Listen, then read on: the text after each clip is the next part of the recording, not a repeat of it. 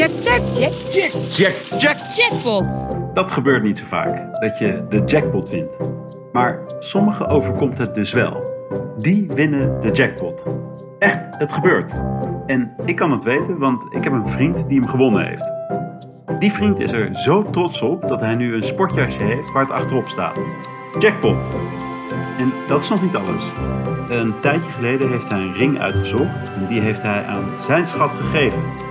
En zijn schat wilde die ring heel graag van hem aannemen, want zij vond hem dus ook weer een schat. Jackpot. Die vriend van mij, dat is Maurits. En Maurits is gek op Lisanne. En zij dus ook op hem. En deze podcast gaat over die twee. Gaat over geluk, pech, toeval, mazzel en liefde. Maar vooral over Maurits en Lisanne. Want wat is het een heerlijk geluk dat die twee bijzondere mensen elkaar hebben gevonden. Maar vergis je niet, geluk slaat niet zomaar toe. Er zijn eerst allerlei keuzes en ervaringen die opbouwen naar dat ene moment. Fouten die gemaakt moesten worden, inzichten die opgedaan moesten worden. En juist die momenten vertellen van alles over deze mazzelaars. Om die verhalen te verzamelen heb ik voor vrienden en familie van dit stel een antwoordapparaat aangeschaft. Een antwoordapparaat vol met verhalen over Mau en Lies. Dus nu ga ik even kijken waar het knopje zit. Dan kunnen we eens even luisteren. U heeft Ja. twee nieuwe berichten. Mijn naam is Mariska en El en ik waren elkaars paranimf. Volgens sommigen is een paranimf een seksslaafje, maar volgens de dikke vandalen betekent het kandidaatsgeleider bij een promotie. Maar ook, let op, bruidsgeleider. Zo'n vijf jaar geleden waren El en ik samen op vakantie in Barcelona. Eigenlijk was het een congres voor werk, maar ach, dat komt op hetzelfde neer. Op een avond zaten we in de metro en stapte er een groepje mannen in. El en ik waren verblind door hun enorme spierbundels. El gluurde voornamelijk naar hun beenspieren en mijmerde iets over dat ze waarschijnlijk heel hard konden fietsen. Ze kwamen steeds dichterbij, we konden ze bijna aanraken, maar ineens ontstond wat verwarring over eh, bij welke metrohalte ze eruit moesten. Er ontstond wat tumult El aaide nog voorzichtig over eh, de quadriceps van een van de mannen. Maar voor we het wisten waren ze verdwenen en bleven El en ik gedesillusioneerd achter. Hadden we gedroomd? Waren deze mannen echt zo dichtbij geweest? Helaas kwamen we er binnen enkele seconden achter dat de mannen niet geïnteresseerd waren in onze Hollandse schoonheid, maar in de inhoud van het tasje van El. We waren gerold. Vette pech.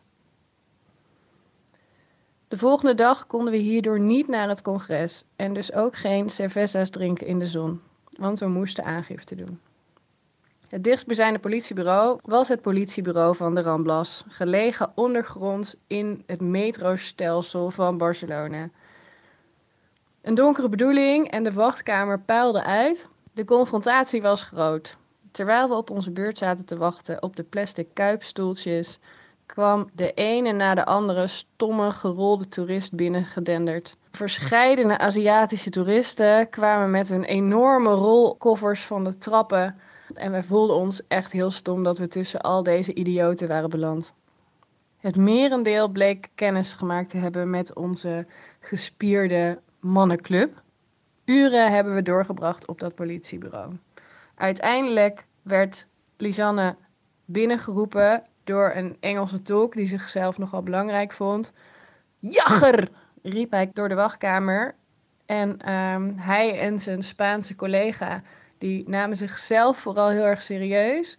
En ze ehm, behandelden ons eigenlijk als een soort crimineel. Deden zelf alsof ze een moordzaak aan het oplossen waren in plaats van een, uh, een zakkenrollerbende. Enkele uren later en enkele keren jagger verder kregen we eindelijk een verslag van de aangifte mee. We renden terug het daglicht in en hebben de rest van de dag op het strand moeten bijkomen. Bij thuiskomst bleek het avontuur op het politiebureau wel de moeite waard. Want de reisverzekering keerde meer uit dan van ons was gestolen. Jackpot! Volgende nieuwe bericht. Ik ben Jan Jaap. en ik ben een oud collega en goede vriend van Maurits. Zeven en een half jaar geleden beschrijven Tirol Kierberg. Het was de allereerste skireis die ik samen met Maurits zou beleven in het kader van onze gezamenlijke werkgever. Voor mij was alles nieuw. En voor Maurits, ik weet eigenlijk niet of het zijn eerste of zijn tweede skireis was. Maar alles was nogal overdonderend. En uh, ja, we waren met een grote groep. Het weer was natuurlijk, zoals het hoort, slecht. En daarom brachten we veel tijd door in de lokale horeca. We dronken een hoop, we maakten een hoop grappen, maar Maurits en ik waren niet echt nader tot elkaar gekomen. Dat alles zou volledig veranderen de eerste avond. Al snel had ik door dat ik een drinkenbroer voor het leven had gevonden. En de dag erop trokken we ook samen op. En dat werd eigenlijk steeds hechter. We kwamen erachter dat we toch wel heel veel dezelfde waarden en normen deelden. Dat we dezelfde interesses hadden. En dat we ook allebei nogal uitgesproken waren in die waarden en normen en in die interesses. En dat waardeerden we in elkaar. En ik kan me goed herinneren, die reis duurde geloof ik van donderdag tot en met zondag, maar dat de laatste dag echt bagger was. Het sneeuwde hard. We hadden de avond ervoor weer een hoop alcohol tot ons genomen. En Maurits en ik zaten er allebei een beetje doorheen. En ehm, daarop besloten wij om die dag eigenlijk verder niet meer de skis onder te binden, maar te gaan genieten van het dorp Kierberg. Nou, dat genieten van het dorp Kierberg bleek schromelijk overdreven gedachte, want ik weet niet of jullie bekend zijn met het dorp Kierberg, maar het heeft een kerkje uh, nou ja, op een berg eigenlijk. Maar dat is het ook. En voor de rest is het vergeven van de lelijke sportverlei en nog lelijke horeca-etablissementen. Maar het was wel de dag dat we lekker door het dorp aan het stiefelen waren en eigenlijk echt goed in gesprek raakten. Dat gesprek diepte het een beetje uit en we hadden allebei nog wel de idee dat we werk en privé strikt gescheiden wilden houden. Ook daar waren we allebei even stringent in. Sterker nog, ik heb tot de dag van vandaag twee nummers, omdat ik mijn werknummer strikt gescheiden wil houden van mijn privénummer. Maar ehm, ik kwam erachter, ja, met deze jongen kan ik dat gewoon echt niet doen. Dit is gewoon, dit is te leuk. Moet ik dan niet mijn eigen principes gaan doorbreken en, en toch hier iets meer mee doen? We liepen samen door dat mistroostige Kierberg. En we hadden het hierover en we hadden het ook over dat we werk en privé zoveel mogelijk gescheiden wilden houden. En Maurits had dus precies hetzelfde in de wedstrijd als ik. Maar we kwamen er toch allebei achter dat dat ja, toch wel heel erg moeilijk zou worden, omdat we elkaar juist zo gevonden hadden op die reis. In eigenlijk alles in wat we, wat we deden. En daarop vonden wij elkaar en hebben we ook besloten, en dat ook uitgesproken, om elkaar ook verder buiten kantoor te zien. En eigenlijk voelde dat tot de dag van vandaag als een soort relatie. En we hebben het hier al vaak over gehad. Maar het voelde eigenlijk een beetje als, een, als, het, als het verkering vragen aan elkaar. Om elkaar buiten kantoor te zien. En dat was denk ik het begin van mijn niet aflatende geluksmoment met Maurits. Vanaf dat moment zijn we eigenlijk op kantoor onafscheidelijk geweest. En ook zelfs toen Maurits het wijze besluit nam om het zinkende advocatenschip te verlaten. Want ze zeggen altijd, hè, de, de, de ratten gaan als eerst. Uh, hebben we altijd een ontzettend dierbare relatie gehad. En dat is dus de start geweest daar in het mistroostige Kierberg van mijn niet aflatende geluksmoment met Maurits. En ik hoop dat het wederzijds is. Maar ik uh, ben ontzettend gelukzalig dat we dat moment ooit hebben besloten om het als kleine kinderen uit te spreken. Want ik had die reis die ik met jou daarna heb doorgemaakt voor geen goud willen missen. Dit was het laatste bericht. Kiergen op bergen en vriendschappen die bezegeld worden. Dat was vriend Jan Jaap op het antwoordapparaat. En ondertussen luister ik naar Pierre. Dat Mau en Lies hele leuke vrienden hebben, dat wist ik wel. Maar het viel mij ook weer op bij Mau's bachelorparty.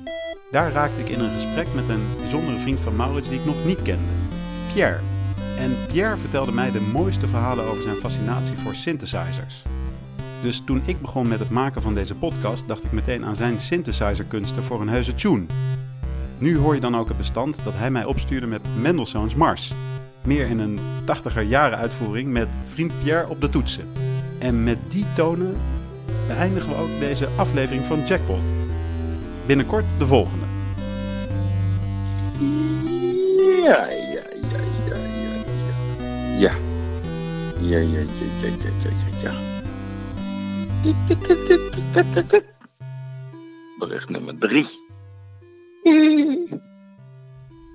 Hoi, ik ben Pierre. Ehm, ik heb dit eh, liedje gemaakt wat je nou hoort voor de podcast. Maar ik wil zelf eigenlijk ook nog wat vertellen. Um, Maurits en Lisanne, of eigenlijk eh, Lies en Mau, zoals ze dat eh, zo graag zelf ook zeggen. Maurits, ik ken hem uit zijn studententijd. eigenlijk terug in Groningen nog. Maar ehm, ja, we hadden eigenlijk echt pas een bromance en trokken naar elkaar toe toen we in de herfst en winter van 2010 in Washington DC uh, samen terechtkwamen. Heel veel tijd met elkaar doorbrachten. Nou, heel wat jaartjes later uh, ontmoette ik dan uiteindelijk Lisanne. Ik was terug na een tijdreis in het buitenland en wonen en werken daar. En het was een koude winteravond, net voor de kerst, bij hun thuis. Een gezellig avondje, het werd laat. Uh, de mescal kwam tevoorschijn. Ze hadden nog een flesje over. Vonden ze niet lekker. Mocht ik opdrinken. En we begonnen te kletsen. En ik begon vragen te stellen. Hoe hebben jullie elkaar ontmoet? Ja, kijk, velen van ons weten dat er een datingsapp aan te pas gekomen is. Um, terwijl ze begonnen te praten over die date, die eerste Tinder date, uh, en ik maar door bleef vragen, kwam er wat anders boven. Um, ik heb nogal een wilde verbeelding, maar als ik het mij goed herinner, vond die eerste date plaats in een bar. En mij werd verteld dat ze er maar matig zin in hadden. Uh, ze kwamen beide uit uh, langere relaties. Ze hadden helemaal geen zin om die numbers game te spelen op zo'n app. Um, mensen ontmoeten, kijken of het klikt. een beetje eromheen praten.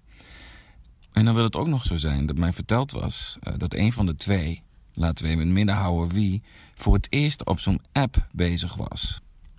Goed, dus je zit daar tegenover die persoon in uh, je leuke kleertjes, die door een algoritme en uiteindelijk natuurlijk jouw uh, swipe naar rechts naar de datinglocatie gekomen is. En bij deze twee gebeurde er iets bijzonders. Um, iets wat mij opviel en, wat ik zelfs misschien wel een beetje poëtisch vond. Want um, terwijl ze aan het vertellen waren over die eerste avond, er eigenlijk doorgevraagd werd op een gegeven moment. Uh, Maurits en uh, Lisanne, ze namen niet genoegen met deze oppervlakkige manier van met elkaar omgaan. En over koetjes en kalfjes praten en dan maar uh, kijken waar het schip strandt. Of eigenlijk uh, in welk bed er dan beland wordt. Terwijl ze aan het praten waren, kwamen door dat doorvragen eigenlijk de wat minder uh, voor de hand liggende eerste dategesprekken naar boven. Werd er gesproken over verlies, uh, over angsten, over teleurstelling. En je kan je voorstellen dat zoiets over tafel gaat. Op zo'n eerste date en je denkt, wat moet ik daarmee? En wat dacht Lies en wat dacht Mau? In plaats van keihard weg te rennen en om eigen die app op te starten en naar de volgende swipe te gaan, uh, werd het de volgende vergadering. Met als resultaat, et cetera, et cetera.